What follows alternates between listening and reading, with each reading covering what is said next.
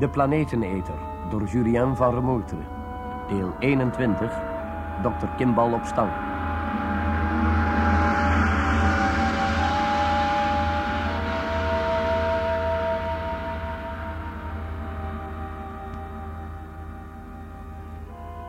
En daar ik, zoals ik trouwens al aan Greta had verklapt... een en ander had neergeschreven over onze heldse tocht door het oerwoud... viel het mij helemaal niet zo moeilijk onze belevenissen te vertellen aan dokter Kimball. Hij zat onbeweeglijk achter zijn schrijftafel, volledig geconcentreerd. Maar toch een ander mens vergeleken met de eerste keer toen ik bij hem was. Meer verbeten nu, een beetje krampachtig zelfs. Maar ik wist met zekerheid dat hij onkreukbaar was. En dat hij nooit zou toelaten dat ik een grote behandeling kreeg. Tenzij hij kon bewijzen dat wij, John, Erika en ik... krankzinnig geworden waren aan boord van de Beta 2... en dat de waanzin ons voorgoed te pakken had. Daarom vertelde ik hem letterlijk alles wat ik mij ook maar kon herinneren. Onze noodlanding in het oerwoud... mijn houding tegenover John en Erika... onze helse reis terug naar de bewoonde wereld. Ja, het is misschien overbodig hier nogmaals in detail te treden... over onze ontdekking van de zogenaamde dode stad in het oerwoud. In de tijd was dat een heerlijke kluif voor zowat alle sensatiebladen. En ik heb me laten vertellen dat een legertje geluk en goudzoekers getracht heeft... om ons spoor door de groene hel te volgen... maar u weet dat de stad nooit werd teruggevonden. Het is eigenaardig. Wat wij ook vertellen of verteld hebben... de bewijsstukken blijven onvindbaar... Of wordt er op grote schaal geknoeid? Ja, ik kan u niet eeuwig blijven waarschuwen. De planeteneter is een feit. En hij zit binnen in de aarde. En de dag waarop hij zal uitbreken komt. De laatste dag voor u allemaal. Het staat u vrij te geloven of niet. Maar de gelovigen en ongelovigen zullen het samen bezuren. Tenzij de gelovigen het pleit op korte termijn winnen. Intussen luistert dokter Kimball naar mijn verhaal. Drie mensen in een dode stad, overwoekerd door het oerwoud. En twee van hen beginnen elkaar te haten omwille van de derde. Het was afschuwelijk.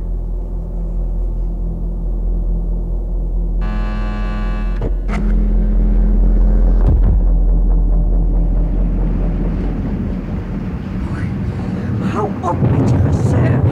Ik wou dat jij opdonderde. Goed. Nou duidelijk gesteld. Kreng! Mij sleep jij niet mee in je ondergang.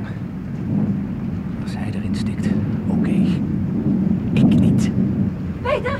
Peter! Peter, kom terug! Kom eens! Oh, er is zeker weer wat met Johnny Lieveling, hè? Kom nou! Hij is weg, Peter. Hij is weg. Wacht, weg. Maar doe jij dat John er niet meer is? Hij is verdwenen. Toen wij het gebouw binnengingen, zat hij hier op de grond. Nou ja, hij kan in die tijd niet ver weggelopen zijn. John! John, waar ben je? Roepen helpt niet. John! Ja, maar we moeten hem terugvinden. Oké. Oké, dat zal niet zo moeilijk zijn. John! Nou, doe dan toch iets. Ja, maar wat moet ik dan doen? Hij kan alle kanten uit zijn. Luister, Erika. Loop jij langs die rij paleizen tot bij dat plein. Goed uitkijken, ik neem de andere kant. Hier, de sikkel. En jij dan? Een stok. Goed, en, en waar zien we elkaar? Op het plein, oké? Goed. Tot straks. En als je hem vindt, roep je maar zo luid als je kunt. Ja, oké.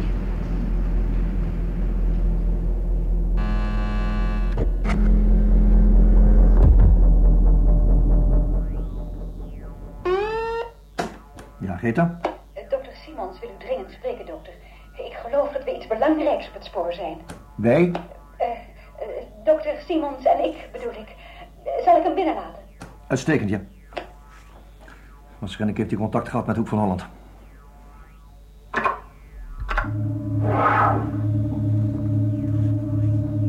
Hallo, dokter Kimball. U neemt mij niet kwalijk dat ik u steur. Zo, Walter. Ga zitten. Wat heb je te zeggen? Ik heb nieuws van mijn nicht uit de basishoek van Holland. De grote maanbeving is niet zo onverwacht aangekomen als men officieel meedeelde, dokter. Dat zet geen zoden aan de dijk, Walter. Uh, toch wel. Want ik ben nog meer te weten gekomen dan ik ooit kon hopen. Het schijnt namelijk dat het aantal aardbevingen de laatste twee weken met 40% gestegen is. Vergeleken met het gemiddelde van voor de grote maanbeving. Daar hebben wij niet veel van gevoeld. Heb ik ook gezegd. Maar het betreft voor het grootste deel lichte schokken met epicentra in onbewoonde gebieden. Ik heb nu mijn nicht gevraagd even uit te dokteren in welke werelddelen de schokken het meest frequent zijn. Dat wordt misschien een interessante aanwijzing. Heb jij je nicht ook verteld wat hier gaande is? Oh, min of meer. Natuurlijk niet in detail. Want dit is ongehoord. We zullen nu iedereen tegen ons in het harnas jagen. Geloof me toch, mijn eindrapport staat voor alle anderen. Maar, maar een beetje publiciteit. Ik- Publiciteit, zeg je? Ben je helemaal gek geworden, man? Luister jij nou eens heel goed. Ik kan niet toelaten dat mijn onderzoek in de publieke belangstelling komt. Dat kan niet, dat mag niet. Ben ik nou duidelijk? Ik deed het echt met de beste Je bedoelingen. had mijn mening kunnen vragen. Inderdaad. Ja, nou, ik, ik doe mijn best. Ik zal ervoor zorgen dat er niets uitlekt, dokter. Nogmaals mijn excuses. Pas, ga uit. Probeer de stukken aan elkaar te lijmen. Dat is het enige wat ik van je verlang. Oké, dokter. Greta, Dokter, ik wou je zeggen dat je je vriend Simons aan banden moet leggen. Is hij ook zo voortvarend wat jouw persoon betreft? oh, nee dokter, nee. Juist. Probeer als de bliksem professor Hind aan de lijn te krijgen. Op de Noordzeebasis? Als hij in de hel zit, laat hem dan. Maar als hij nog ergens op deze miserabele wereld rondhobbelt, wil ik hem binnen het uur spreken. Dokter, uitstekend dokter.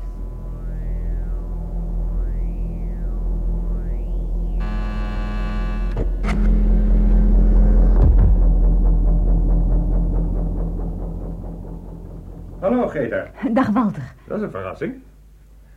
Ik dacht dat je me zou bellen. Kimbal is aan de lijn, aan deze kant bedoel ik. En raad eens wie aan de andere kant staat. Hinden. Hinden? In hoogst eigen persoon, door Kimbal opgebeld. Nou, Ik geloof dat het lukt, Walter. Hij is erin gelopen. heb jij gehoord waarover hij met Hinden sprak? Nee, hij is trouwens nog aan de gang. Maar het kan toch niet anders zijn dan wat we denken? Je kunt gelijk hebben. Maar eerlijk, ik vond het nogal sneu om zo op stang te moeten jagen met die publiciteitskwestie. Zal je nicht niets openbaar maken? Oh, ik zie niet in wat. Ik heb er gewoon om gegevens verzocht omtrent de frequentie van de maanbevingen in de periode net voor de grote ramp. Ja, en daarna hetzelfde wat de aardbevingen betreft in de laatste paar weken. Dat is alles. Vond ze het niet vreemd dat jij om zulke gegevens verzocht? Ik heb er altijd de gekste dingen gevraagd. Ze kent het klappen van de zweep. Maar in elk geval zijn de gegevens die ze meedeelde echt en onvervalst. Reken maar. En nou ben ik wel heel erg benieuwd om te weten hoe na Kimbal het vuur aan de hooggeleerde scheden van Hinden legt.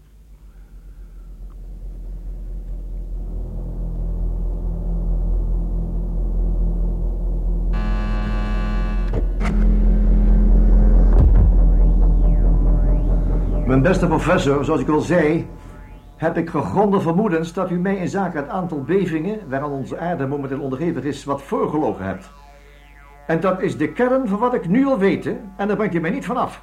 Ik zal u een dergelijke ongenuanceerde bewering maar niet kwalijk nemen, dokter Kimball. Ik weet dat u een eh, enige tegenslag hebt in uw onderzoek. En ja, dan loopt alles een beetje uit de hand, nietwaar? In elk geval neemt u van mij aan dat ik op de hoogte ben van wat de aard- en maanbevingen betreft. Natuurlijk, maar nog En dat ik de gegevens uit allereerste hand heb. Dat deze gegevens bij gevolg onomstootbaar vaststaan. Dat heeft er helemaal niets mee te maken, professor. U hebt mij een paar dagen geleden verteld dat het aantal aardbevingen opnieuw naar het normale peil gaat. Dat wil zeggen, naar de toestand van voor de grote maanbeving. Is dat juist of niet? Dat heb ik inderdaad gezet. Met de restrictie dat wij u nog enkele jaren in een zogenaamde labiele toestand zullen verkeren. Goed. En nu zeg ik u dat ik uit totaal onverdachte bron wat weet. Namelijk het aantal aardbevingen de laatste weken met 40% is gestegen... vergeleken met het gemiddelde van voor de grote maanbeving. Als u mij nu vertelt dat dit valse gegevens zijn... dan verzoek ik u dadelijk om een arbitraire tussenkomst van de Hoge Raad. Ben ik duidelijk? Ik heb toch nooit betwist dat het inderdaad zo kan zijn, mijn beste dokter. Maar u verliest bepaalde belangrijke dingen uit het oog. Seismologie is nu eenmaal uw vak niet. En zou ik dan misschien mogen weten welke die bepaald belangrijke dingen zijn? Ten eerste, u veralgemeent een toestand op basis van metingen over twee weken. Veertien armzalige dagen die in het verniet verdwijnen bij de tientallen jaren waarin wij nauwkeurige registraties hebben verricht. Ten tweede, nergens deed zich in die twee weken een beving voor hoger dan twee op de schaal van Richter. Verklaring, onze aarde herstelt zich vlugger dan wij denken van de troebelen die ze ondervond vanwege de grote maanbeving. Denkt u echt dat de Grote Raad iets anders zal antwoorden? Dat weet ik nog niet, professor. Dan moet u even wel weten dat ik u niet alles heb verteld. En ik wil vanzelfsprekend niet voor u verbergen dat ik ons gesprek op band heb opgenomen. Uiteraard uitsluitend ten behoeve van mijn onderzoek. Mag ik u danken voor dit verhelderende onderhoud. En mijn excuses dat ik u wel van uw kostbare tijd in beslag heb genomen. Maar ja, u begrijpt dat het voor mij van zeer groot belang was.